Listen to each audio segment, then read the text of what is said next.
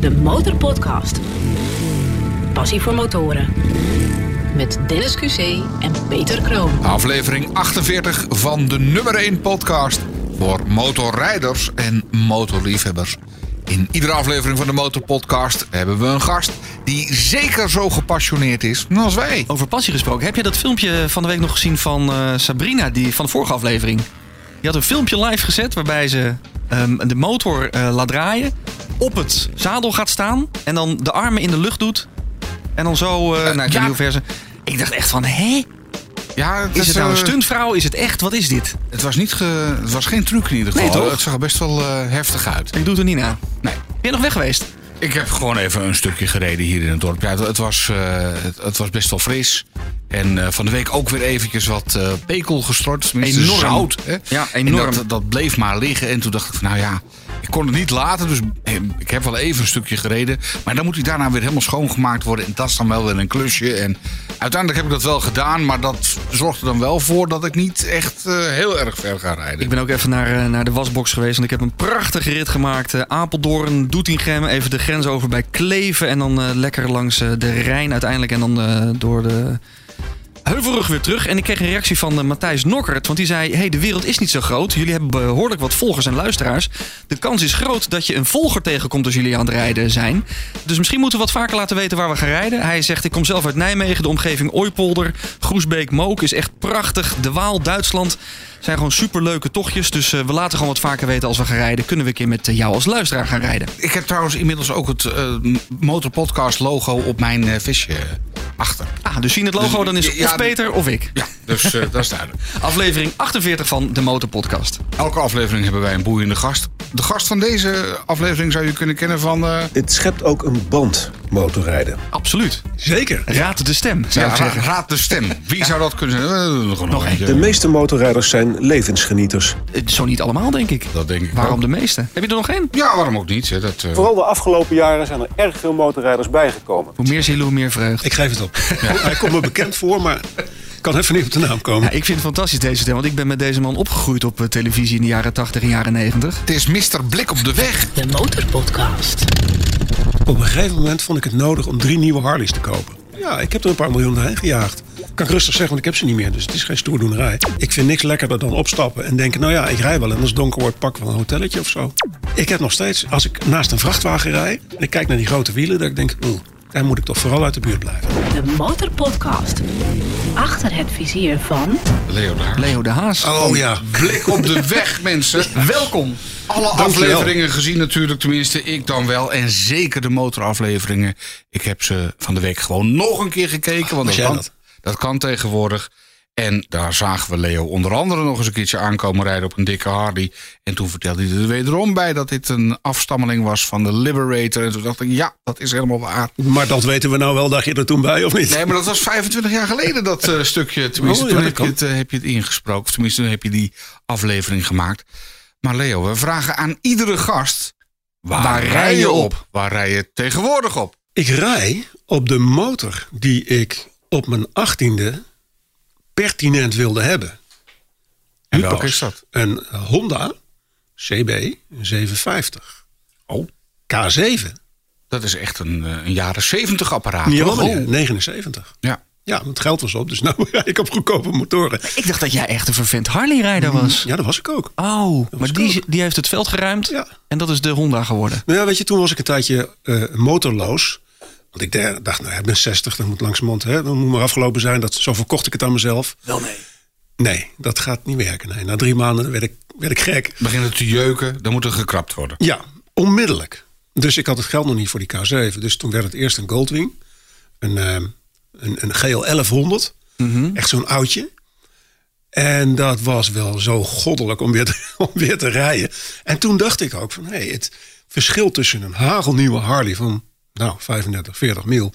en een echte oude Honda van 2000 euro... dat is geen 38.000 euro. Als je begrijpt wat ik bedoel, Nee. in plezier. Nee. Het, het, het was, zoals ze het tegenwoordig in Frankrijk zeggen, shocking. Dat, hoe weinig verschil in, in genieten er was. Dus eh, nou ja, en toen heb ik natuurlijk gedacht van... ja, maar weet je, nou zijn we toch lekker bezig. Nou komt er voor dik hem ook een K7. En die heb ik opgehaald bij Jurgen in Duitsland. En. Dat was een flinke zoektocht. Om een goede te vinden, een echte, ja, heel veel gerestaureerde zijn er wel. Die zijn prachtig mooi, die kosten 10.000 euro of zoiets, als het niet meer is. En dit was gewoon een hele goed onderhouden K7, duidelijk binnengestaan, eh, maar niet gerestaureerd. Dus er zit wat opselingsrest, dus het is gewoon been eroverheen rijden. En niet van, oh jee, als er nou een krasje op komt. Dus het is echt een, een, een, een rijmachine. En het rijdt zo lekker, jongens. Echt waar. Maar het is ook een beetje een motormotor, hè? een beetje iconisch Ja. apparaat. En dat zit Ja. er ook een beetje in die Harleys. Dus Ja, dat is waar. Dat is waar. Ja, dat is wel waar. Dat is echt de, een van de motoren. Ja. Maar bij die Harleys, ja, die zijn zo duur. ja, ja, ja, ik weet er alles van. Ja. Het is, eh, Ik heb met je te doen. nou ja, eh, wie, wie zei het ook alweer? Eh, Ronald, in, in een van de vorige afleveringen. Eh, Ronald Molendijk, Ja? die zei ook van... als er, hoe, hoe formuleerde hij dat nou? Als er eh, baby voor staat, als er een huwelijk voor staat... en als er Harley voor staat, Dan is het duur. kost het twee keer zoveel. Als je een taart bestelt je Oh ja. het is, het is een babytaart... betaal je extra Ja. voor de taart... omdat het een, eh, een babytaart of een geboortetaart is. Hoe, hoe noem je dat? Geldt ook voor een huwelijkstaart. En als je een motor koopt en er staat Harley voor... betaal je meer. Nou, toen ja, had ik wel zoiets van... ja.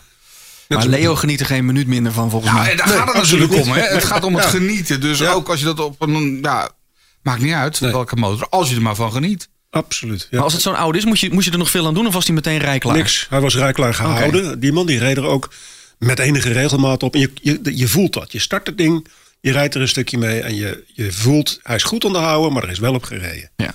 Dat voel je meteen. En dat was met die oude Goldwing ook. Die eigenaar was inmiddels, hij had hem nieuw gekocht, was 91. En zijn zoon had er de laatste tien jaar op gereden. Maar die had hem netjes losgehouden. En dan moest ook ieder jaar naar de TUF natuurlijk. Want die, die Duitsers die zijn daar eh, vrij strak in. Dus een motor in Duitsland, waar een Die kenteken moet, op. die moet gekeurd worden. Ja, nou, hoef. Oh, oké. En eh, hij heeft me ook verteld waarom. Hij zegt, eh, of waarom, eh, hoe dat dan gaat. Hij zei, zie je dat sleuteltje wat in het contactslot aan het contactsleuteltje hangt met dat touwtje? Ik zei, ja, dat sleuteltje zie ik. Dat is voor het stuurslot. Dat moet namelijk getest worden bij de TUF. Als hij het niet doet, wordt hij afgekeurd.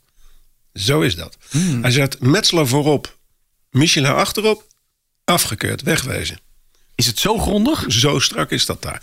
Dus koop je een, een, een motor met een Duitse TUF, dan weet je bijna zeker dat hij in ieder geval 90% dik in orde is. Ja. En dat was een Geeft wel vertrouwen. Wat, wat zet Ja. je er zelf op per jaar aan kilometers? Nou, dat varieert. Ik heb wel eens gekeken wat het meeste was. Het meeste was 42.000 en het minste was 3000. Oké. En daar zit het ergens tussenin. Dat is een ruim... eh, Dat is een hele ruime marge. ruim. Ja, maar weet je, in de tijd van Blik, de eerste nou, vijf à tien jaar, reed ik zelf ook heel veel die cameramotor. En dan rijd ik een dag zo 400 kilometer bij elkaar. Ja, en dat je dan dan gaat het hard. Ja. Gaat het hard. En, maar dat zijn toch andere kilometers, dat zijn werkkilometers. En die tel je minder zwaar dan genietkilometers. Ja. De, die, die werkkilometers die rijden er gewoon op. En op een gegeven moment denk je, oh, moet weer tanken. Nou ja, doe maar, weet je wel. Dus, En doordraaien. en rijden weer. Ja, Ja, ja. precies. Ja, het doel is anders. De Motorpodcast. Je bent van origine fotojournalist, cameraman. Maar we kennen jou natuurlijk als presentator, producent en bedenker van het programma Blik op de Weg. Ja. Mister Blik op de Ja, weg. Mister Blik op de Weg. Absoluut. Hoe is het zo gekomen? Kerel. Eh, even denken. Ehm, Ik was zeven jaar cameraman voor het journaal. Ik wilde wat anders. Eh, ik wist niet wat. En toen dacht ik, ja, dan ga ik maar eens eventjes... eh, ja, wat ga ik nou eigenlijk doen? Dacht ik bij mezelf. En er kwam niks. Dus ik ging in de achtertuin zitten. Heel lang verhaal kort. Als ik een tijd niks doe, dan ga ik me uiteraard vervelen. En dan ga ik vanzelf wel ergens naartoe. En wat deed ik? Ik dacht van, hé, weet je wat eigenlijk wel leuk is? Ik zet eens een keer een camera in een auto. Ik weet niet waarom ik dat wilde of waarom ik dacht dat dat leuk zou zijn, maar dat ga ik doen. Dus dat heb ik gedaan. Eh, ik had eh, videoapparatuur natuurlijk en eh, wat op en neer gereden. Dat is eigenlijk best wel leuk. Uit een rijdende auto filmen. Maar ik miste nog wel wat. Ik miste die snelheid in beeld. Want als je ver inzoomt, dan is die snelheidsbeleving is weg. Dat zie je alleen maar bij een groothoekcamera. En zo was ik aan het prutsen. En zo kwam ik op een oud politiebureautje. Ik heb met de politie samengewerkt in, in Renkum.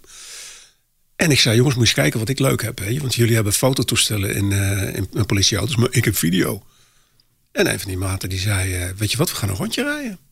En toen reden we op de A12 en dan komt een 930 voorbij, een Porsche Turbo. Met, ik meen 181. En Paul Rijpstra die zit naast mij en die zegt, zeg, eh, die meter is die geëikt? Ja, die is geëikt. Dan ga ik even een bonnetje uitschrijven. Oh, serieus? Op jouw meter?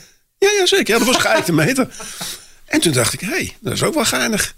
En zo ben ik eigenlijk van het een in het ander gerold. Het was niet een plan van gaan we het zo doen. En als dat lukt, gaan we het zo doen. Ik, eerst die auto, dat vond ik leuk. En toen dacht ik al, nou, daar kan ik misschien wel een televisieprogramma van maken. Ter illustratie hebben we nou even wat camerabeelden uit de auto. En dan gaan we op een mooi whiteboard gaan we uitleggen wat het probleem is. Maar ja, toen werd er dan ook iemand staande gehouden. En er was een keer een aanrijding, daar gingen we naartoe. Want ik had inmiddels ook een blauw zwaarlampje. En zo evolueerde dat van het een naar het ander. Daar heb ik iets van anderhalf, twee jaar over gedaan. Dat het idee van Blik op de Weg is van 1989.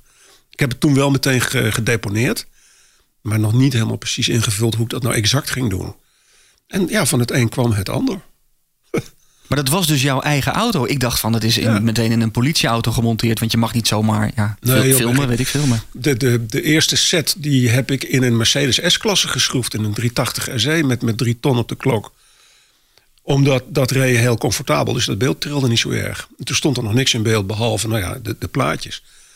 En toen dacht ik, ja, dan, weet je, dan moeten we toch... Wat moeten we dan? We moeten datum en tijd hebben. We moeten snelheid hebben. Nou, die datum en tijd was makkelijk. En toen moesten we snelheid hebben. Dat kostte wat meer moeite, want het was allemaal analoog. Het was niet digitaal. Dus Maar dat komt nu uit je GoPro volgens mij. Ja, maar dat, dat was toen een gedoe. Dat komt overal uit, bij wijze van spreken. Het hangt in de lucht. Ja. hè, met, met je GPS'en. Dus eh, dat was best een ge- gepruts. En toen dacht ik, ja, moeten we eigenlijk ook een, een, een wat snellere auto erbij hebben. En ja, omdat ik veel contact had met de politie, eh, ging het gauw die kant op. Hè. Ik, ik vroeg dan aan ze, willen jullie even naar dit filmpje kijken? Wil je daar commentaar op geven? En dat deed ik dan terwijl ik die auto bij me had. En dan was dat gauw van, zeg maar, kunnen wij niet ook even een rondje rijden in dat ding? Oh ja, nou rij maar mee. En ja, zo is het gekomen. Aha, aha. Het eerste jaar heb ik zelf achter het stuur gezeten. En op een gegeven moment zei zo'n politieman... zeg maar, ik ook een keer een rondje rijden. Toen dacht ik, nou, nee, lijkt mij niet zo'n goed plan. Maar ja, je kan ze niet weigeren. En dus, je had ze nodig. ja, zeker. Ja. Ja. nee, maar dat waren natuurlijk ook prima kerels. Ik kende ze allemaal wel. Dus eh, toen kwam er een achter het stuur zitten. En toen dacht ik, ja, dat is misschien wel leuk. Ja, wa- wat ik me al heb afgevraagd bij Blik op de Weg. Heb je je nou nooit bezwaard gevoeld? Als er dan ja, iemand staan die hielden. Ja, er zaten wel eens filmpjes tussen waarvan ik dan bij mezelf dacht: hè, hè moet dat nou? Ja. je nou niet gewoon waarschuwing en. eh, Ja, in, in de latere jaren wel. Want in de eerste jaren waren het eigenlijk alleen maar de echte excessen. Weet je wel, de echte malloten die, die Ja. met, met een zware borrel op enzovoort. Maar eh, na een jaar of zes, zeven, eh, ja, gebeurden er ook wel eens dingen waarvan ik dacht, nou, dat had van mij niet gehoeven.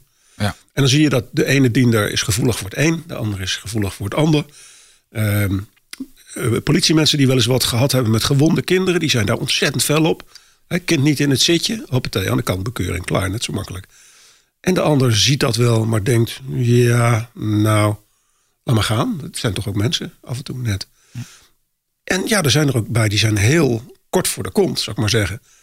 En er zijn er bij die laten, laten lekker lopen. Ik weet nog, we zaten ergens in Noord-Holland-Noord, meen ik, op een 100 kilometer weg. En daar rijdt voor ons een Audi A4, en die 110, 120, 130, 140. Hm, nou, dat komt eruit 137 gemiddeld. Maar er was buiten die Audi en onze auto niet één auto op de weg daar. En dan zie je die diender ook denken, ja, en nou? Dan moet ik hem, moet ik hem daar nou van gaan oppennen? Als, er, als daar een radar staat, ja, dan hangt hij. Ja, laat gaan. Dus die laat het gaan. En ja, zo heeft iedereen zijn eigen afwegingen natuurlijk. Nou, nou heb ik vanmiddag nog eventjes eh, een van je motorspecials teruggekeken. Eh, daar werd een man gevolgd door de camera-auto op een vrij snelle motor. Of nou, niet, niet echt heel bijzonder eigenlijk. En die reed een beetje binnendoor, 80 kilometer wegen. En die ging steeds een streepje harder, een streepje harder. En op een gegeven moment die politieauto, of tenminste dat blijkt dan dus nu jouw auto geweest te zijn met camera's erin. Eh alsmaar harder, harder, harder. En op een gegeven moment wordt hij eh, staande gehouden. Hè, dan, eh, en dan vragen ze van, ja, waarom, eh, waarom rijdt u nou zo hard? Ja, ik, ik werd opgejaagd door een, eh, door een, door een burgerauto die alsmaar harder achter me aan ging. Ja. Dus dacht ik, nou, dan ga ik maar een streepje harder. Goed verhaal. En uiteindelijk werd zijn motor in beslag genomen. En dacht ik, nou, hè, ja, ik, ik, ja, ik kreeg er een beetje vieze smaak van in de bek. Ik dacht van, ja, wat, hè, ja had, had het gewoon gezegd. En, nou ja, niet meer doen. Nee, weet je, dat verhaal, daar trap ik niet meer in. Nee? Want nee joh, wat doe jij als er iemand op je kont komt rijden? Dan geef ik een beetje gas bij. toch gek, gas dicht. Zijn ze weg, heb je er geen last meer van. Als ik, als ik rustig ergens overheen knor, weet je wel. Ja. Over een dijkje of zo. En dan komt zo'n mafketel, die komt op mijn achterbumper van...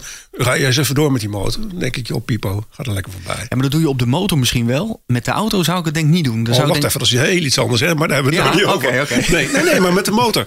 Dan denk ik, joh, hoeploop. Ja. Ik, ja, Nou, ik ga toch wel eventjes dat ik dan denk van... wat verdorie, je zit wel erg dicht achter me. Nou, eh, ik maak even wat ruimte. Ik ga gewoon wat harder. Ja, en als je dan nog dichter op mij komt zitten... dan denk ik van, nou ja, wat is dit voor mijn lood? Ik geef nog een beetje gas bij. En Ja, kunnen gaan als het- blijven. Als het dan echt wild wordt... dan denk ik wel bij mezelf, nou, dit, dit, dan ga ik aan de kant... en dan heb ik zoiets van, eh, ja precies. Ja, kom maar. eh, kom er dan maar omheen. Weet je? Dat, Ja, weet je, het, het, het verhaal van ik voelde me opgejaagd... hoorden we natuurlijk iedere dag een aantal keren. Ja. En dan keek je de video terug... en dan zat je te kijken van, hoe dicht zaten we er nou achter? En dat was vaak toch een paar honderd meter erachter. Oh ja. ja. Ja, dat is geen bumperkleven. Nee. Nee, maar mensen zien een auto in een spiegel, die rijdt mee. En dan geven ze wat gas en dan rijdt hij nog steeds mee. En dan, ja, weet je, dat is toch een soort van competitiviteit, zou ik maar zeggen. Van ja, maar jij gaat er niet voorbij komen. Maar het is toch wat anders dan dat je iemand daadwerkelijk opjaagt. Ik voelde me opgejaagd, is wat anders dan ik werd opgejaagd. Snap Ja, je? ja, dat snap ik. En zeker als je die afstand houdt, dan is het... eh, en oma Gent hoort dat natuurlijk heel vaak. Ja, Natuurlijk. Ja, ja, ja, Want maar- wie deed dan... eh, stapte jij dan uit of was het de agent die dan het woord deed? Nee, dat was gewoon een politieman die zijn, wer- die zijn Oké, werk deed. jij filmde dat alleen maar. Ja. ja. Ja. Mo- Moest je die opnames vooraf eh, het overleggen aan de, aan de politie? Of mocht je gewoon uitzenden wat je wilde? Ik mocht eigenlijk uitzenden wat ik wilde. Het gebeurde wel eens een keer dat er een, een, een snelheidsovertreding gepleegd werd door iemand van een opsporingsteam of een arrestatieteam of zoiets. Dan werd aan ons doorgegeven, joh, dat is een collega. Als je het al laat zien, niet erbij zeggen dat het een politieman is en niet zijn gezicht op tv. Nee. Nou ja, dat is fair, denk ik. De Avro, eh, toen nog Avro, ik wou zeggen Avro Tros, maar Avro die vond het heel leuk om het uit te zenden. Dat heeft jaren gedaan. Dat heeft Ja. 20 jaar gelopen. een hele lange tijd. Ik denk, eh, ja, langer geloof ik. 2, 23 jaar Ja. zelfs. Ja. En Ja. eh, toen stopte het. ja. Waarom is het er niet meer? Ja, Nou, er is toch nog genoeg blik op de weg, zou Ja, ik zeggen. Dus, meer dan genoeg. vraag, ja. Ja. Daar hebben destijds allerlei krachten gespeeld. En eh, om mijzelf niet in de voet te schieten, want ik ben er een boek over aan het schrijven. ehm, het, het, kan ik het niet in detail vertellen, maar daar, daar zat bij de politie zat wat eh oud zeer. Ehm, bij, de, bij, de, bij de politiek zat wat oud zeer, eh, in de vorm van mensen bij justitie. En op enig moment hebben daar een mannetje of vier hebben elkaar gevonden. En die zijn een soort van klein campagnetje begonnen. En dat heeft er uiteindelijk toe geleid dat Blik gestopt is. Jammer. Ja, zo gaan dingen. Ja, zo is het. En, en wat, ik, wat ik mooi vind en wat ik ook uit de reacties van onze luisteraars zie, want we hebben gevraagd om vragen. En dat zie ik ook op, op je YouTube-kanaal. Want op YouTube kun je eh, alle afleveringen terugzien. Je ziet op jouw eigen kanaal highlights van toen, nog nooit eerder uitgezonden beelden. Ja. Maar er zitten een partij abonnees en views op. Er is echt Ja. wel vraag naar, de, naar dat materiaal. 74.000 Ja. abonnees. Ik, ik rolde van mijn kruk. Ik, ik, ik eh, zette een keer een filmpje online van wie zou het leuk vinden als ik nog eens een keer wat oude, oude zooi eh, postte. Wij in ieder geval. Ja, nou, maar dat filmpje dat was op een gegeven moment 7000 keer bekeken. En toen dacht ik al, wat gebeurt hier? En toen belde Matthijs van Nieuwkerk van, goh, je hebt een filmpje en eh, wat leuk. En een keer komen vertellen? Dus ja. En toen was ik daar en toen zei ik van, het is al 7000 keer bekeken jongens. En toen zei het meisje van de redactie, nou daar niet 30.000 keer. En toen dacht ik echt van, wat, wat gebeurt hier? Er is zoveel eh, enthousiasme voor. Ja, snap dat wel. Ja, leg eens uit dan. Want ik snap het, het is gewoon niet het echt. is, het is leuk om, om sowieso die beelden. Je ziet ze sowieso nooit op die manier met die eh, snelheidsmeter in beeld. Je filmt toch dingen die je als standaard auto of motorrijder niet ziet. ja. En je ziet ook gedrag van andere, andere rijders. Dat je denkt, oh, dat, en je- dat doe ik misschien soms zelf ook. Moet ik misschien toch niet meer doen. Niet zo slim Ja, of ja. niet, niet zo goedkoop. En ik vind van de oudere afleveringen, eh, dan zien wij Nederland in de jaren negentig. Ja, Dat fantastisch. Is ook snap ik wel. Een Ja. soort tijdreis Ja. dat je denkt van, hé, ja, zo, zo, Snelweg met drie banen minder toen, en zo. toen Ja, ja. het er zo uit. Ja, nee, dat vind ik ook. Nee, maar dat heb ik dus inderdaad ook nu ik die terugblikken gemaakt heb. Dat ik af en toe denk, oh wacht eens even, toen was dat hele knooppunt er nog niet, joh. Ja, Had dat daar maar twee rijstroken, dat heeft er nu zes. al die oude auto's. Ja, geweldig, geweldig. En nee, dat, dat, is, dat snap ik dan weer wel. Ja. Ja, helemaal. Terugblik op de weg. Ja. Nou, De Motorpodcast. Waarom was er maar heel zelden een motoraflevering? Dat was altijd de laatste van het seizoen. Ja. Eh, dat klopt, omdat nou, er waren ook wel vrachtwagenafleveringen. Het was lastig om een hele aflevering vol met interessante motordingen te krijgen.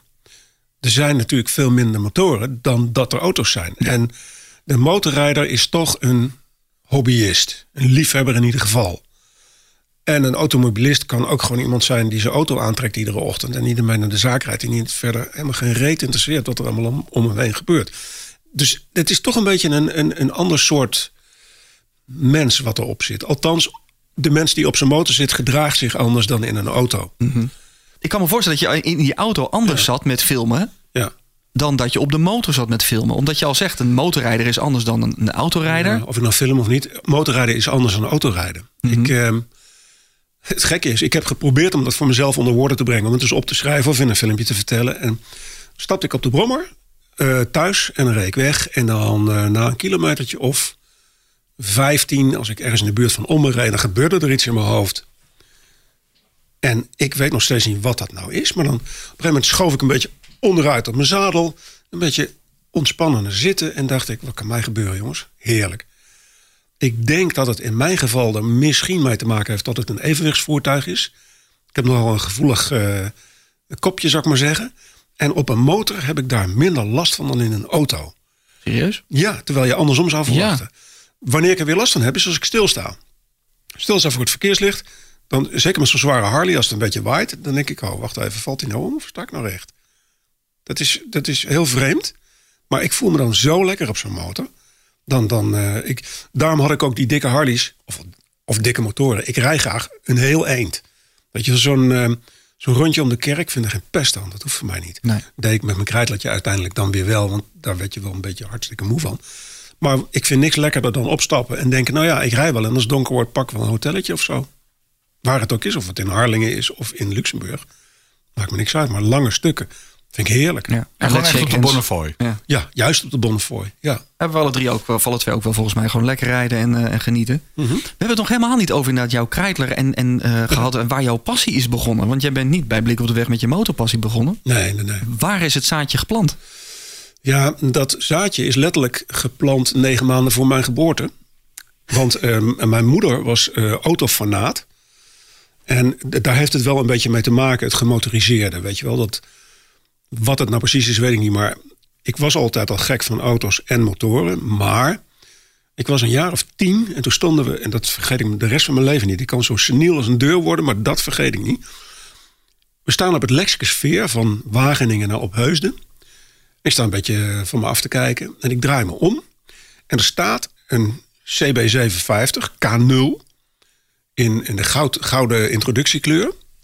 En ik weet nog dat ik, ik kijk naar die motor en ik kijk weer terug en ik denk, wacht even, wat is dat nou? Ik draai nog een keer om en ik, 1, 2, 3, vier uitlaatpijpen. Ik kreeg kortsluiting in mijn kop, joh. Voor iedere cilinder één. Ja. Ik dacht, wat is dit? Want het was dus, wat was het, 1969. En wat had je? Eh, Yamaha had net een, de eerste vier, viertakter uitgebracht. Eh, X, XT650 geloof ik. Een twin.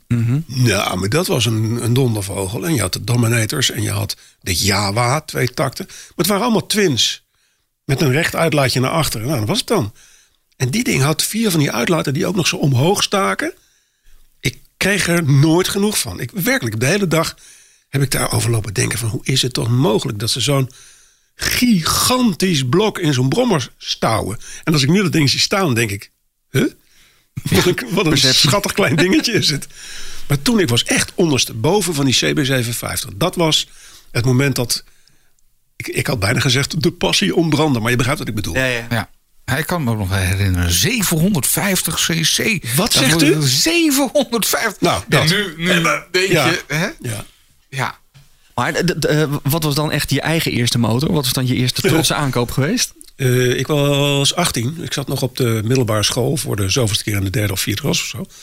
En mm, eens even kijken. Mijn krijtler werd gejat. En toen dacht ik, nou, ik heb bijna mijn rijbewijs. Weet je wat ik doe? Koop een motor. En dat was toen gewoon een kwestie van budget. Eh, wat had ik? 2000 euro of eh, gulden toen nog. Toen heb ik voor 1750 gulden een Suzuki GT250 gekocht. Met ram air koeling en een zesbak. Joost mag weten waarom. Die zesde versnelling Daar had je Had echt helemaal niks Nee. aan. Maar het was wel een zesbak. Dat was mijn eerste. En toen dacht ik, nou moet er ook een viercilinder komen. Dus daarna heb ik bij, hoe heette dat grote motorhuis in Rotterdam nou ook alweer? Dat weet jij. Ja. Nee. Nou, dat motorhuis dus. Daar bestelde ik een, ehm, een CB350 voor. En die werd afgeleverd. Wat een lijk van een ding zeg. Oh, oh wat had ik spijt. Dus ik kreeg nog wat geld terug. Maar de koop was gedaan. En ehm, daar was ik dus iets te snel met beslissen van... hup, we gaan een stapje verder. En dat is eigenlijk de story of my life geworden. Steeds een stapje te ver en dan toch weer een stapje terug. Ja, precies. En dan weer denken van, moest, waarom moest dat nou weer? Maar dan is die aankoop daarna des te beter, toch? Nou, maar dat is ook zo. Ja. Oh nee, maar ik heb nergens spijt van. Maar ik heb wel eens gedacht, jongens, doe even rustig, man. Maar daar, daar gaan we het zo meteen nog even over hebben. Over, over verkeerde dingen ge- gekocht en gedaan. Maar het is bij jou dus ook begonnen. En- We hebben toch maar een uur? Ja, nee. Oh, we hebben zatheid. En we hebben nog een nabrander, hè? Dus Oké, we kunnen gelukkig, ja. even doorgaan ook. Eh, maar toen je net binnenkwam, toen zei je al van... eh, daar is het voor mij ook mee begonnen. Ja. Er kan er maar één zijn, hè, dat geluid. Ja. Er kan echt maar één, één, één motorbrommer zijn. Dat is, Vinden jullie dat echt mooi? nee, dat is prachtig. Ja, dat is Ja, gewoon ik- geweldig. Maar dat is misschien om. Ik ben niet met, die, met, met krijtlers en zundapjes en zo opgegroeid. Dus ik, ik heb die, ik heb die achtergrond niet. Ik vind dat nou niet per definitie een mooi geluid. Echt een gebrek in je opvoeding. Ja, dat zal best. En dan rijdt hij nog niet eens. Dan draait hij nog hè, stationair. Ja, Maar dat is waar. Als zo'n ding wegrijdt, dat gegier van die... bro- Ah, dat is geweldig. Ja, want je moet flink toeren maken, anders dan heeft hij te weinig koppel. Dat, eh, ja, Koppel, wat is dat? Ja, ja eh, kracht. ja Eh, nee, ik weet het, maar ik bedoel... zoveel heeft Waar zit het op het ding? hè? Ja, precies, ja. Ja, het is, het is geloof ik eh, 15 pk of zo. Max. Ja, Max, ja. Maar ook de geur. De tweetaktgeur. dat is ook eh, Ja, dat snap ik wel. Ja. Dat snap ik wel. Heerlijk, ja. nog altijd. Het is niet, niet, niet goed voor het milieu, maar ja, het is wel fijn. Is, eh, voor mijn hersens is het wel heel goed. Ik, ik adem dat altijd diep in. En dan, het is een soort eh ja, harsje eigenlijk, maar dan anders. Ja. Legaal. Hè, wat dat betreft eh, lijken we dan op elkaar, want ik vind het ook heerlijk. Ik, soms ruik je hem nog wel eens, hè? Ja, Sommige scootertjes... eh, Ik heb dat ook is- tweetakt, maar ja, dan weet je, dat- weet je dat ik dan wel eens met de motor erachter ga rijden voor de geur. Ja, serieus? Eh, deze start ik af en toe gewoon even. Dan ga ik een rondje op zon- en feestdagen rijden. En dan sta ik voor het stoplicht. En dan ook die, ja. die, die geur van die tweetakt. Heerlijk. Ja. Maar dat we jou hierop zien is wel zeldzaam. Ik heb jou hier één keer op zien rijden, volgens mij, heel toevallig. Ja. Want hij valt u wel op, kanariegeel. Maar dit is echt een, eh, nou niet eens zonder feestdagen, maar alleen, echt alleen de feestdagen volgens mij. Ja, nee. En, en nu is het minder weer buiten. En dan, ja, Nee, dan vind ik het zonde. willen. Nee. Eh, Dan is het echt alleen eventjes eh, voor de deur starten om de, de keringetjes Ja, eh te houden. Even nat te maken, ja. Ja. Wil je nog meer horen van onze gasten?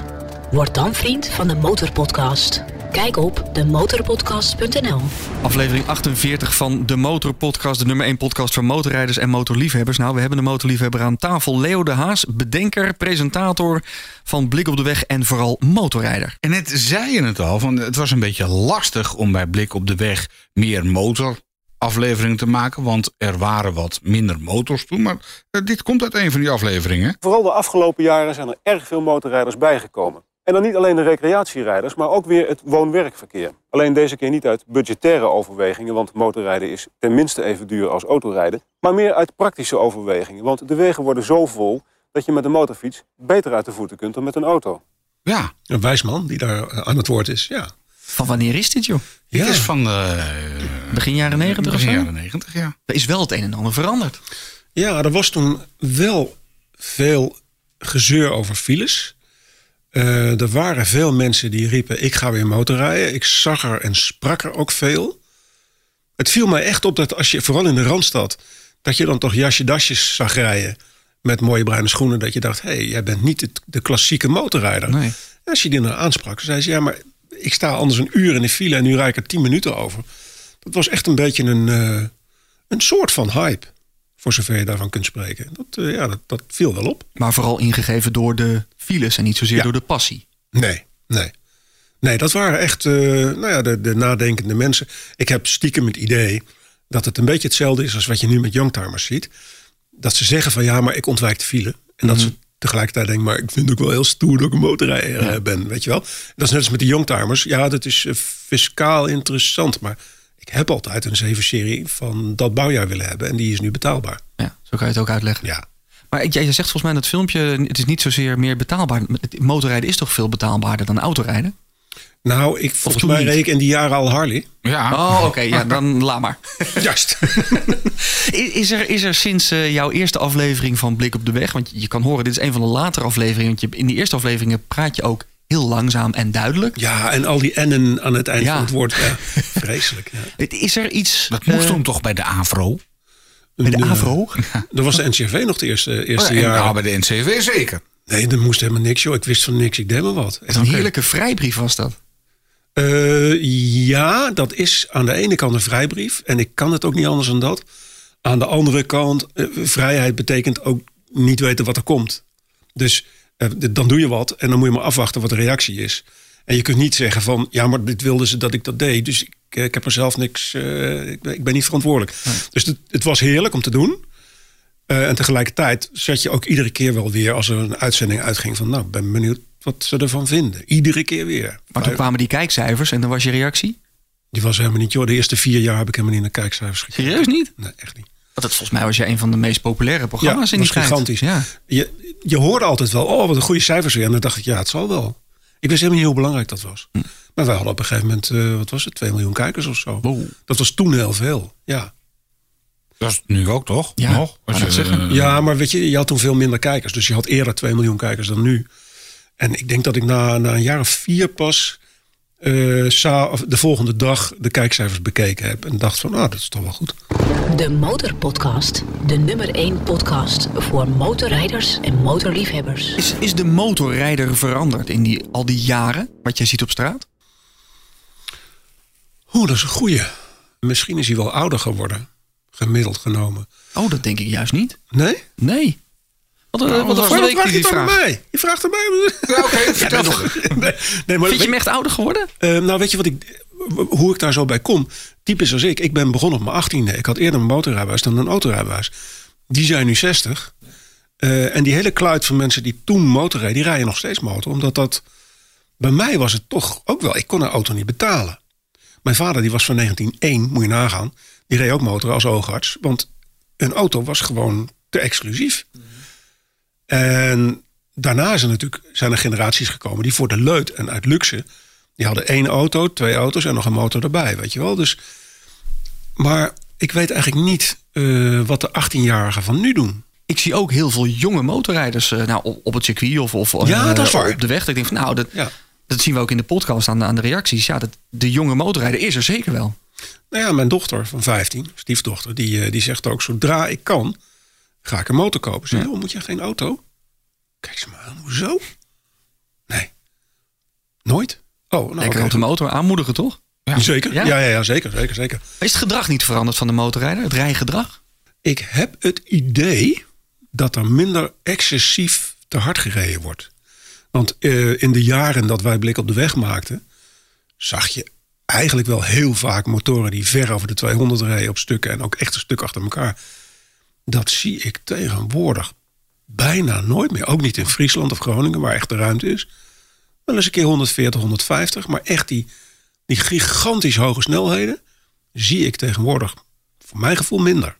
De pakkans is ook groot natuurlijk. Komt dat hè? niet door de trajectcontrole? Door jouw Nou. cameraauto's. Ja, nou, maar dat, er is natuurlijk destijds heel zwaar op ingezet. Op trajectcontroles, op inderdaad, maar ook die mobiele radars bijvoorbeeld. Potverdorie, en als je daardoor gegrepen wordt. Kan je je- inleveren. Nou, precies daarom. Dus ik denk wel dat dat ook wel eh, effect gesorteerd heeft, ja. En ze rijden nu zelfs mee. Hè? Die, echt, ze zijn echt mobiel, mobiel in auto's, radars tegenwoordig. Is dat zo? Ja, rijdend kunnen ze je... Of, of het is alleen nog in Frankrijk of ook al in Nederland wordt het getest. Nou, dat wel wordt hier getest, zijn ja. Dus Ja. in een... eh, in een eh, echt, Ja. ik zag van de week het artikel. Gewoon een rijdende radarauto. vroeger- Ja, maar dat had je vroeger, voordat de video er was, had je de Trafipaxen. En dat waren ook gewoon rijdende auto's met een, weliswaar een fotocamera. En die hadden hun eigen snelheid. En die eh, pakten jouw snelheid. Die trokken dat van elkaar af. Nou had je een restsnelheid over. Dat, dat was toen ook al. Alleen dat, die goedkeuring, dat is lastig, denk ik. Dat moet weer Europees aanbesteed worden. en Europees goedgekeurd. Ehm, maar ik heb wel begrepen inderdaad dat ze ermee bezig zijn om een rijdende radar ook in te zetten.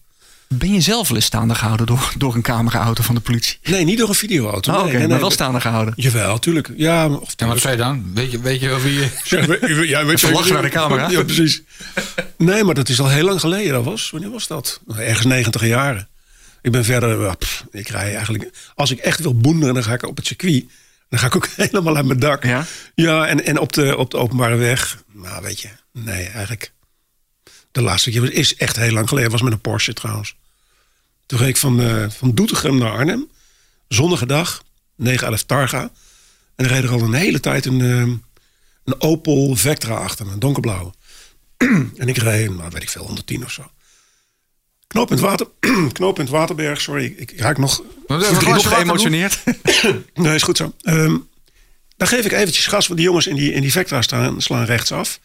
Ik trok hem even door in de derde versnelling. En ineens zie ik een stopbord in, in mijn spiegel. denk, hey, oh, oh, dat zijn diezelfde jongens. Oh, hey, die hebben dan toch weer de afslag niet genomen. Dan had ik gemiddeld 153 of zo. Ja, je tikt even de 200 aan. Ja, dat kan, kan kloppen. Ja, dat is dan zo. Maar dat is dus echt inmiddels bijna 100 jaar geleden. En daarna, ja goed. Weet je, ik heb ook veel bussen gereden. Ik ben nou ook weer met een bus. Vrachtwagen. En, en ja, het hoeft allemaal niet zo nodig. Op het circuit is wel heel leuk. Maar hadden wij niet uit uh, notabene de Linda gehaald... dat uh, het vrouwenblad... Uh, dat de gemiddelde motorrijder... 54. 54 ja. is. Ja, wat is oud, wat is jong, maar... Ja, maar als, als de jaren een beetje opklimmen... dan word je toch ook ietsje verstandiger. Dan denk je op een gegeven moment toch ook... Nou ja, ja weet je, moet ik nou echt zo hard? En ja, dat is ook het, zo. Het gaat toch... tenminste, ja, dat merk ik. nee, maar dat is ook zo. Ik weet nog dat toen ik fotograaf was... vond ik het toch eigenlijk wel heel, heel verstandig en heel stoer, serieus. Om als een idioot met mijn BMW 3-serie door de bebouwde kom te rossen. En er stonden mensen op een hoek, die zagen me dan dwars voorbij komen. Die zagen kijken. En dan dacht ik, echt waar, ik zweer het je. Die denken, zo, die gas kan goed rijden. Maar ze dachten, wat een randebiel is die vent. Mhm. En dat is natuurlijk volkomen gelijk. Maar ik weet nog hoe geweldig ik mezelf toen voelde. Was ik 19. Dus ja, weet je, dat is inderdaad ook een kwestie van jaren, denk Ja, ik. je toch zit anders in elkaar. Ja. Ja, je bent Ja. niet voor niks op een gegeven moment echt volwassen. Nou, en in diezelfde tijd had ik die GT250. Die kan platter, jongens, kan ik je vertellen. Over de witte strepen, met die Michelinnetjes zo, zo, zo breed achterop. Jongen, jongen, wat een grip. Ja. Idioot, werkelijk. Wat, wat rij je op het circuit dan? Rij je dan, dan rij je niet met die, eh, met die, met die Honda, denk ik, of wel? Nee, eh, ik rij alleen met auto's op circuit. Maar Oh, sorry. nee, maar nee, met de motor vind ik te gevaarlijk. Ja? Durf, ja, durf ik niet, ben ik bang. Ja, Echt waar? ja. Ik kan toch ook een beetje rustiger aandoen dan op het circuit. En Nee. wel lekker die bochtjes. ja, en een zo. langzamer groepje, gewoon eh, een trainingtje volgen. Nee? nee, nee ik schrijf peuk. De Motorpodcast. We hebben van jullie als luisteraars heel veel vragen binnengekregen. Eh, ik zal er even een paar ingooien. Ramon GTR 1000 en ook Luc Moerenhout die vragen zich af... wat is nou het meest gekke dat je hebt meegemaakt in die cameraauto? En als we het even toespitsen op, op het motorrijden. Nou, dat klinkt een beetje negatief misschien, maar dat was het ook. Eh, de domheid van sommige motorrijders. Ja? Uitgesproken domheid. Dan, dan, Voorbeeld? nou, dan zit er een, op, een, op een provinciale weg rijdt er een bus. Weet je, als een touringcar. En dan zie je in een rechterbocht die motorrijder links om die bus heen willen kijken. Maar hij zit er bovenop, dus hij ziet geen pest. En wij zitten in die cameraauto er 200 meter vanaf. En wij zien rechts door die bocht al een auto aankomen. Die zie je heel duidelijk. En die jongen met die motor die denkt, nou ik zie niks, dus er zal wel niks aankomen. Die smijt hem naar, naar links. En die komt dan die auto tegen halverwege die bus. Dan, dan, dan zit ik echt, dan denk ik, oh jongens, jongens, jongens. Hoe dom kun je nou toch zijn? Dat heb je zo niet geleerd. Nee. Daar, dat stoort mij dan. Maar eigenlijk ook omdat ik weet wat het resultaat kan zijn. Want dat is gewoon, dat is, nou ja, gehakt wat er op de weg ligt dan. Wil je nog meer horen van onze gasten? Word dan vriend van de Motorpodcast. Kijk op demotorpodcast.nl. Ja, maar Leo, nou was jij altijd een man, of tenminste dat ben je nog steeds, van, van, van hoge snelheid. Vind je toch ergens wel lekker? Ja, zeker. Op het circuit en, Ja, eh, en snelle auto's. En Ja. als, als je met die auto, eh, met die camera-auto rondreed voor je programma, dan moest je ook gang maken. En dan kies je uiteindelijk voor een Harley Davidson. Ja. Een beetje een aparte keuze. Nou, daar... Het is niet echt een snelheidsmotor. Dat Nee. is, eh, Tegendeel. Alhoewel, de, de, de nieuwe Harleys wel donders goed sturen, moet ik zeggen. ja, ze kunnen absoluut hard, maar het is niet... eh, Nee, dat is geen, geen, geen rijdersmotor. Ja, weet je, ik heb tussendoor nog een keer een Aprilia gehad, een Miele. En die heb ik denk ik zes weken gehad. En die reed lekker vanaf 130. Voor mijn gevoel tenminste. En ik had BMW's, K100, K1100 LT's. En die reden lekker bij een kruissnelheid van 140, 150. En dat reed ik er dus ook mee. En ergens in mijn hoofd zit daar een schakeling verkeerd. Dat met een auto kan ik hem op 110 zetten, of op 100, wat maakt mij het uit. En ik sukkel gewoon ergens naartoe. En met een motor lukt dat niet. En, en op een, een ultra of zoiets dergelijks zet je de cruise control op 110. En dat buldert een beetje om je helm heen. En je kijkt een beetje om je heen. Het trilt lekker onder je kont. En het zal mijn tijd wel duren. Dat was ook een beetje het gevoel wat ik met een Harley kreeg. Ja. En dat vond ik heerlijk. Want ja, daar hou je lang vol. Die Aprilia heb ik weggedaan. Omdat ik gewoon niet normaal kon doen. Nou ja, dat, dat, wat je nu beschrijft, dat heb ik ook met een Harley. Inderdaad, gewoon dat, nou, een beetje... Ja, lekker, gaan. Lekker gaan, ja. Kilometers vreten, heerlijk. Ja, en weet je wat het ook is? Als je dan op de Harley naar Zuid-Frankrijk rijdt, dan komen die GSXR'en, die komen met, met 300 per uur komen ze voorbij. En tien minuten later zie je ze weer bij de pomp staan, moeten zij weer tanken. En ik kon altijd 4, 450 kilometer met een tankje doen. Maar je komt er heel in. Ja, En ik, wat ik ook een voordeel vind van een Harley, ik bedoel, als je er gewoon eh, door de bebouwde kom rijdt en je rijdt langzaam, of tenminste gewoon eh, rustig. eh, rustig, hè, je doet, doet niet gek, dan vindt niemand dat ook gek. En ik had altijd het idee, als ik dat op een grote allroad, die heb ik ook gehad, deed, en dat sommige motorrijders je dan aankijken van of hij durft niet harder of hij kan het niet. Ja. ja om nog over de, over, de, over de racemotoren maar te zwijgen. Als die met 50 voorbij komen, dan, Dan denk denk je toch dat ook, is, eh, die is niet goed. wat is hier aan de hand, joh? Ja. Ja. dat ziet er ook niet uit. Nee, maar Nou, soms moet je even. Ik eh, toch Team Supersport hier. Als je door een bebouwde kom rijdt, dan moet je soms even 50 of zelfs 30. Ja, dan ga je niet toch- met 90 door de bocht. Nee, maar dat is toch ook... Maar jij hebt nooit het gevoel dat je dan... Ja, tuurlijk van, wel. ah, maar dan zit ik hier in mijn, in mijn two-piece Ah, zo, zo kwam ik eh, op, op een dijkje zondag en eh, ik reed er liever niet. Maar ja, ik moet toch eventjes over dat dijkje heen. En ja, dan ga je toch, hou je even netjes in. En dan rij je netjes 60. Terwijl ja, je weet ook, die bocht kan je ook met 90 pakken. Minimaal, ja. Maar dat doe je niet. ja. Nou ja, dat, en dat is dus, die rem heb ik niet. En ik heb, als ik geen Harley had, had ik een GS ernaast. Of allebei. En op die GS heb ik dat dus ook. Dat ding dat stuurt zo gruwelijk fijn. En dan kun je wel degelijk met je knie aan de grond. Het is geen pan, maar je kunt het wel heel ja. makkelijk doen. Dat kan zo plat en zo scherp en zo, zo snel. Daarvan heb ik ook met enige regelmaat gedacht... "Hmm, misschien moest ik dit maar niet doen. En dan pak je de Harley. En die Harley zegt, joh, doe jij even normaal. Even rustig. We gaan lekker rechtdoor. Wij gaan lekker rechtdoor. Wij gaan een heel eind rijden. En wind je maar niet op. Met de G van genieten. En dan doe je dat ook niet. Ja. Ja, ja eh, dat is het. Wat fijn dat je dat even zo hebt beschreven. Dat, eh, Dank je. Zeduzu vraagt zich af, en dat hadden wij ook. Is het geen tijd voor Blik op de Weg 2.0? De- Door mij gedaan. Nou ja, ik weet het niet. Jij bent eh, de merk. Jij hebt het bedacht. Jij hebt het merk. Ja, ehm, nee, ik, ik ga dat niet meer doen. Nee? Nee, want ik weet hoeveel moeite het kost. Ja, dat is waar. Ja, je had een enorm bedrijf eromheen met een mannetje of 30 die dat 35, allemaal. ja. Jeetje. Ja, Er dat staan heel veel mensen niet bij stil. Nee, maar dat, dat vind ik dan ook weer een compliment. Hè. Die mensen die bij mij op de zaak kwamen, die keken om zich heen. Die zeiden, maar wat doen die mensen de hele dag? Wat heb je nog meer dan? Dat, dit is het. Maar werken al die mensen fulltime daar? Ja, die werken daar fulltime aan. We hadden iedere dag mm, twee auto's en twee motoren op pad. En dan ook nog een andere ploeg om andere onderwerpen te draaien. Dus dat was echt een fabriek. En dat zou ik niet meer willen. Eh, en ja, de tijd was er toen voor, weet je wel. Eh, nu is het, eh, als je iets wil doen met de politie, dan krijg je de woordvoerder. En daar is een mannetje voor, daar is een mannetje voor. En terwijl je een interview staat te doen, staat er iemand achter de cameraman Ja. ja, en nee te schudden. Je kunt geen spontane vragen meer stellen. Het, het is allemaal doodgecommuniceerd, zou ik maar zeggen. Hè, kijk maar naar, naar mensen eh, in het kabinet of zo. Die, iedereen heeft mediatraining gehad. Ja. die verschrikkelijk. En die, die trainers die zeggen ook, die gaan dan voor het clubje staan en die zeggen: mensen, vandaag gebruiken wij niet meer het woord maar. En dan moet je even goed opletten. Wij gebruiken het woord tegelijkertijd. Dat is niet negatief namelijk. Dus ik vind het mooi. Tegelijkertijd vind ik iets anders ook mooi. Oh ja. En dan hoor je diezelfde week al die mensen datzelfde woordje gebruiken. Ik vind het wel leuk. Ik heb het meegemaakt bij de AVRO. Dat, dat er een, een, een presentatie kwam van alle nieuwe programma's. En dat de marketingjongens voor de club gingen staan en zeiden: Jongens, wij zijn trots op de AVRO. En dat mogen wij best laten horen. Dus wij gaan het ook allemaal zeggen als wij straks een woordje komen doen over ons programma. Dan zijn wij trots op ons programma. En ze zeiden het allemaal braaf. Ja. Behalve ik natuurlijk. Want ik vond dat zo'n afgang.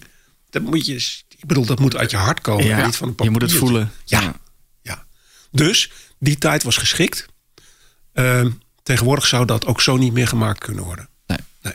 Weet je, jij doet nu iets in transport. Date. Date in Ja, transport. is ook wel afgelopen. Eh, Ga je er nog in terug? Nee.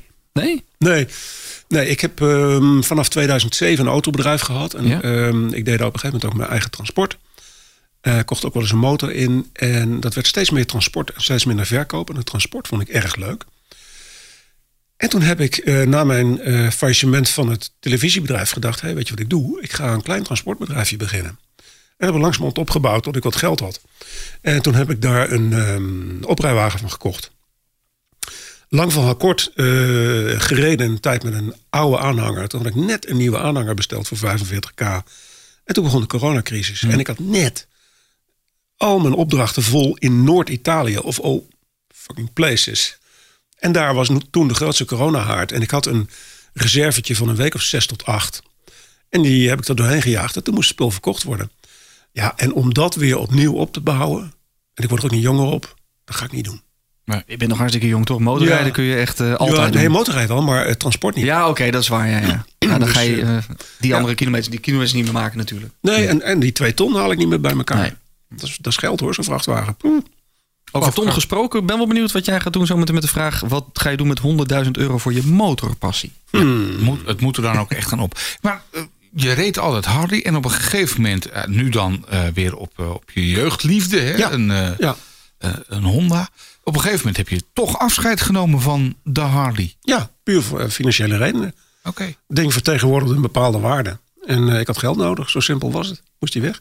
De laatste was die grijze LTD. Dat is wel echt pijn, toch? Als je, Ja, dat kan ik je wel vertellen, ja. ja, Ja, dat is triest. slapeloze nachten en zo. Want, ja, Nee, daarvoor wel, maar daarna niet. Als, de, als ik eenmaal besloten heb, dan doe ik het en dan is het klaar. Kijk er niet meer om. Maar ik heb wel buikpijn ervan gehad de twee weken toen ik het eigenlijk al besloten had. Ja. En dan kom je bij Oude Monnik in, eh, in Hengelo, dan staat die te koop. En dan denk je, kut, dat is mijn motor. ja. Wegwezen, niet meer zien. ja, Ja. ja, klopt. Nou, dat is klaar hoor nu. Ik bedoel, dat, eh, ja, god, shit happens. En ik heb nu die, die Hondaatjes en ik heb ontdekt dat dat ook leuk is. Echt ook leuk. Want over centen en zo gesproken. Aan het begin, eh, toen je net binnenkwam, zei je van... Ja, ik eh, heb wel eens het een en ander gekocht wat dan toch niet goed was. En dan Ja. eh, foute beslissing genomen. En, en, en, en daar wil ik toch nog even op terugkomen. Hoe, hoe is dat gegaan met motoren? Wat, ja, je hebt er al één voorbeeld heb je genoemd. Maar is dat vaker teruggekomen dat je motoren kocht... waarvan je dan weer zegt... Oh, waarom heb ik dit gedaan? Of, Nou nee, meer waarom heb ik die weggedaan? Want ik, had, ik heb regelmatig eh, BMW's erbij gehad. Tourmotorfietsen, maar ook GS'en. En dan dacht ik, ah die GS, ah, die doe ik toch maar weer weg. Want ik rij eigenlijk alleen maar op die Harley. En ik had hem nog niet weggedaan. Of ik dacht, oh, want jammer, nou zou ik hem toch graag nog even willen hebben. Het is ook gewoon hebberigheid. ja, hoe was het ook weer? Never sell. Just Just add. add. eh, ja. Ja, maar daar, dat, daar was ik heel goed in. En ik heb best een groot huis, maar dat staat dan af en toe ook zo vol dat ik denk, dit is niet normaal meer. Hier moet je mee ophouden. En dan gaat ook rigoureus alles eruit. En dan begin ik weer opnieuw met hetzelfde gezeik. Ja. En dat doe ik nu nog steeds. In, in, in de topmotortijd, hoeveel motoren stonden er toen? Mm, Dat viel wel mee. Eh, ik heb er nou meer dan toen, maar ehm, ik heb op een gegeven moment vond ik het nodig om drie nieuwe Harleys te kopen. Zo. Ja, een Ultra Limited. Dan gaan de zaken wel goed. eh. Dus ik, die ging ook goed. Ja, ik heb er een paar miljoen doorheen gejaagd. Kan ik rustig zeggen, want ik heb ze niet meer. Dus het is geen stoerdoenerij. Maar eh, een Ultra Limited, nieuw. Een Road King Classic, nieuw. En een eh Fatboy, nieuw. Want Ja. dat waren mijn ideale motorfietsen. En die wilde ik alle drie tegelijk hebben. Tada, en daar stonden ze. Waren ze ook ideaal dan? Wa- was het je Nou, droom? Ja, dat was wel mijn droom. En weet je, dat is het, het gekke. Eh, die Fatboy, dat was de eerste Harley waar ik verliefd op was. De, de, de eerste, de 91 of de 90er. Ja, de Terminator motor. hè? Die, ja, precies. Arnold Schwarzenegger eh, ja, laatst. Ja. rijdt erop. Oh, reed erop. En toen had ik al een Evo eh Electric Ride Sport. Dus de voorloper van de Road King. En de- die reed natuurlijk heerlijk.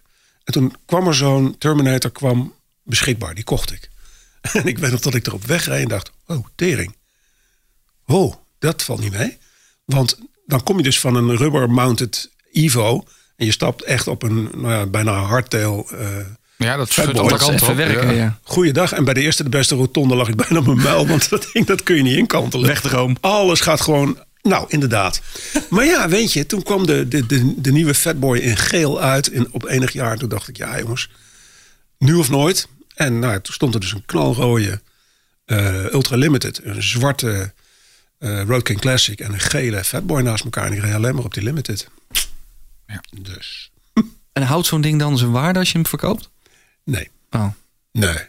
Nee, je, je wordt gesneden waar je bij staat zonde. natuurlijk. zonde. Ja, Nou ja. zeker, zeker als je het moet verkopen, omdat Ja, het geld op is, dan, dan, dan, ja. dan, eh, ja, dan, dan, dan krijg je er nog minder voor dan. Dat ruiken ze, ja. ja, dat ruiken ze aan je. Ja. Ben je zelf anders gaan motorrijden? Nee. Nog steeds zoals toen? Nog steeds net zo netjes? Of niet zo netjes? Ja, weet je, ehm, ik, ik heb altijd al vrij veel kilometers gemaakt. En dan ontwikkel je een bepaald gemak. En dan maak je ook af en toe eens een flinke fout. Die zet je dan weer even met twee benen eh, op de stepjes, zou ik maar zeggen. Mhm. En die afstraffingen die komen dan zo vaak dat je een, een bepaald evenwicht gaat ontwikkelen tussen risico nemen en risico mijden. En ik ben nogal risicomijdend voor mezelf. Dus ik denk eerder vanuit draait gas maar dicht. Ik heb nog steeds. sorry jongens, maar. Ik heb nog steeds. Als ik naast een vrachtwagen rij. en ik kijk naar die grote wielen. dat ik denk. Oeh, daar moet ik toch vooral uit de buurt blijven. Ja. Nog steeds. De voorzichtige, verstandige motorrijder. Ja, voorzichtige mens ben ik wel. Ja. ja. Oké. Eh, Als je nou zou moeten kiezen, auto of motor? Je mag er één kopen. Welke wordt het dan?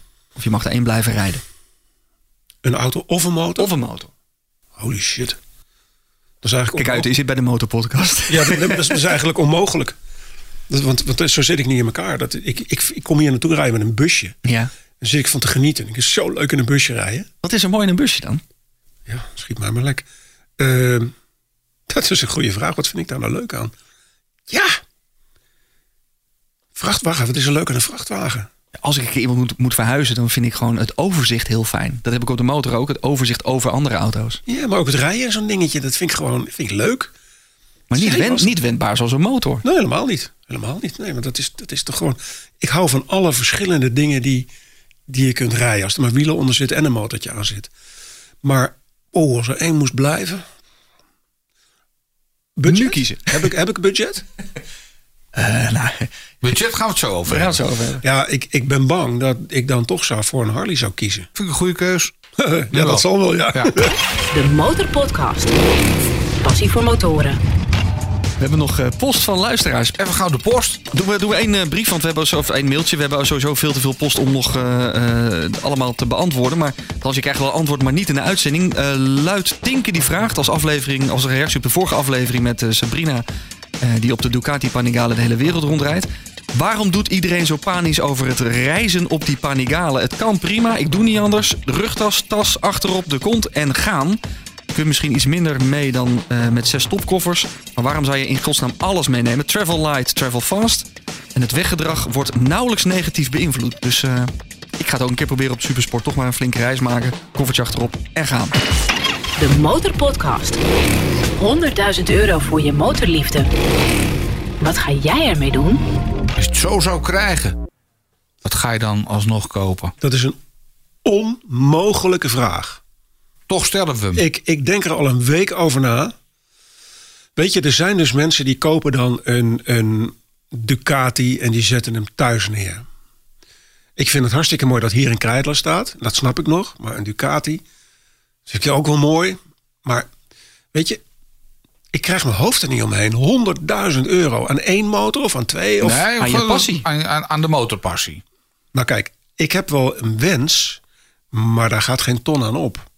Ik heb een GL1000 K3. En dat is een heel oud motorfiets, maar daar is heel weinig mee gereden. Maar die is zo aan een totale revisie toe, omdat alles droog is, alles kapot, eh, remmen zitten vast. Het lijkt me zo goddelijk om tegen een specialist te zeggen: makker. Schroef hem aan elkaar tot de laatste schroef. Maak alles helemaal nieuw. Stel hem af en dan geef hem weer terug aan mij. Ja, dan ben je 6000 euro verder. Dus dat is geen ton. Maar daar word ik eh, aardig manisch van. Maar om nou eh 100.000 euro uit te geven aan een gruwelijk dure motor... dat vind ik veel minder leuk. Is er geen land waar je met die Honda of met die eh, eh, GL1000 naartoe wil? Nou, dat wordt heel saai, Zuid-Frankrijk. Nou, dat is toch niet saai? Nee, daar ga ik altijd naartoe. nou ja. Waarom hoor? Nou, nou is die 100.000 euro is fictief. Maar om Hmm. jouw wens in vervulling te laten gaan, ben je, zeg je net, een 6000 euro verder. Ja, Dat is nog te overzien, zou Zeker. ik zeggen. voor sommige mensen wel. Voor mij op het ogenblik even niet. Ik wou net zeggen, nee, wat, wat houdt je tegen? nou dat. Dat. Nee, gewoon geld, geld niet. Ik ben met dat boek bezig en daar ben ik ook weer heel autistisch mee bezig. Daar begraaf ik me in, dag in dag uit. Doe niks anders dan dat. En in de tussentijd loopt mijn bankrekening leeg. Ja. Dat, is, ja, Dus dat boek moet goed verkocht worden en dan wordt de motor ook nog even gedaan. dat is wel zeker. Ik denk zelfs dat dat het eerste is wat ik ga doen. Oké. Niet omdat ik hier bij de Motorpodcast zit. Echt. Wanneer komt het boek uit? Ja, dat is een goede vraag. De bedoeling was 10 mei. Maar nu ik aan het schrijven ben, denk ik... dat kon ook nog wel eens een stukje later worden. Want het, er komt steeds meer bij. Want als het in de winkel ligt, het zou bijvoorbeeld, eh, het is nu maart als we dit opnemen. Eh, als het in september in de winkel ligt, Dat zou ook mooi zijn. ja, Ja. Dan, dan kun je in oktober die. eh, Ja, Die motor kan laten de, ja, precies. Dat zou wel een mooi, mooi idee zijn. En de eerste, ik geloof de eerste acht of tien pagina's van het boek gaan al over motoren. Dus dat, eh, dat komt wel goed. Oké, dan pluggen we het nu alvast even een beetje. Ja, want dan precies, kan jij ja. in ieder geval je motor op laten Mooi kerstcadeau voor motorrijders. Zo. Ja. Ja, Wat nee, staat er op de zijkant als we moeten gaan zoeken in de winkel? Of eh, bij? Mr. Blik staat er. Mr. Blik. Ja, Ja. kan niet missen. En wat gaan we er vooral in lezen? Acht pagina's in ieder geval. De eerste acht gaat over motorrijden. Ja, het gaat over al mijn motoren en al mijn auto's. Want eh, als je die kent, ken je mij ook. Oké. Dat gaat door mijn hele leven heen. Er staat voor iedereen, van iedere smaak, van supersport tot, tot oude tour, staat er wel iets in.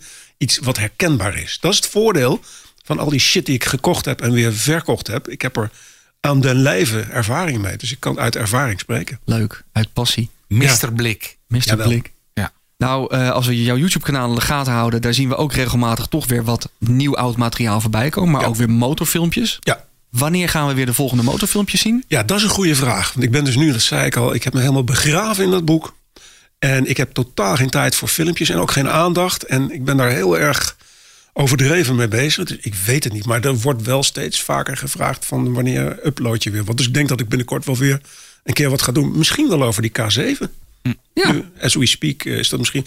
Weet je wat ik ga doen? Ik ga het zo doen. Ik maak een filmpje over de restauratie van die K3. En dat zet ik dan op mijn YouTube-kanaal. En dan moet degene die het, de restauratie doet... moet het voor mij betalen. En dan mag hij reclame maken op mijn YouTube-kanaal. Nou, kijk. geregeld of niet? Ze zullen vast in de rij staan allemaal, not. nee, maar dat komt wel goed. De man die in de eerste serie eh, Blik op de weg zat met zijn Goldwing... met aanhanger en zijspan op LPG, Hans Nijenhuis... die restaureert tegenwoordig Goldwings en eh viercilinders. Ik denk dat als ik de poen heb, dat ik dan naar hem toe ga... Hem langs gaan. Oh, voor de restauratie. Dat is wel heel leuk. We praten in de nabrander nog verder met je. En dat is speciaal voor vrienden van de Motorpodcast. Ja, dus ben jij nog geen vriend en wil je die nabrander horen? Ga naar de motorpodcast.nl en word vriend. Dan kan je genieten van de nabrander. En eh, nou, er rest mij één ding, of rest ons één ding om te zeggen. Leo, bedankt voor deze fantastische aflevering van de Motorpodcast. En het delen van al je passie. Was hartstikke gezellig. En een kleine blik achter blik op de weg te krijgen. Ja.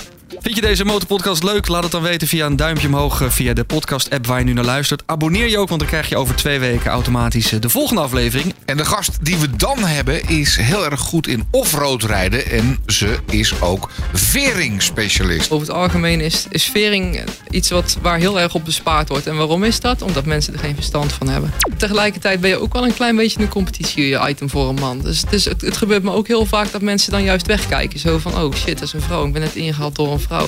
Op het moment dat je de houding goed hebt, dus echt het goed staan op de motor. En je houdt eigenlijk, ja, dat krampachtig haal je ervan af. Maar je verplaatst wel het gewicht naar de voorkant toe.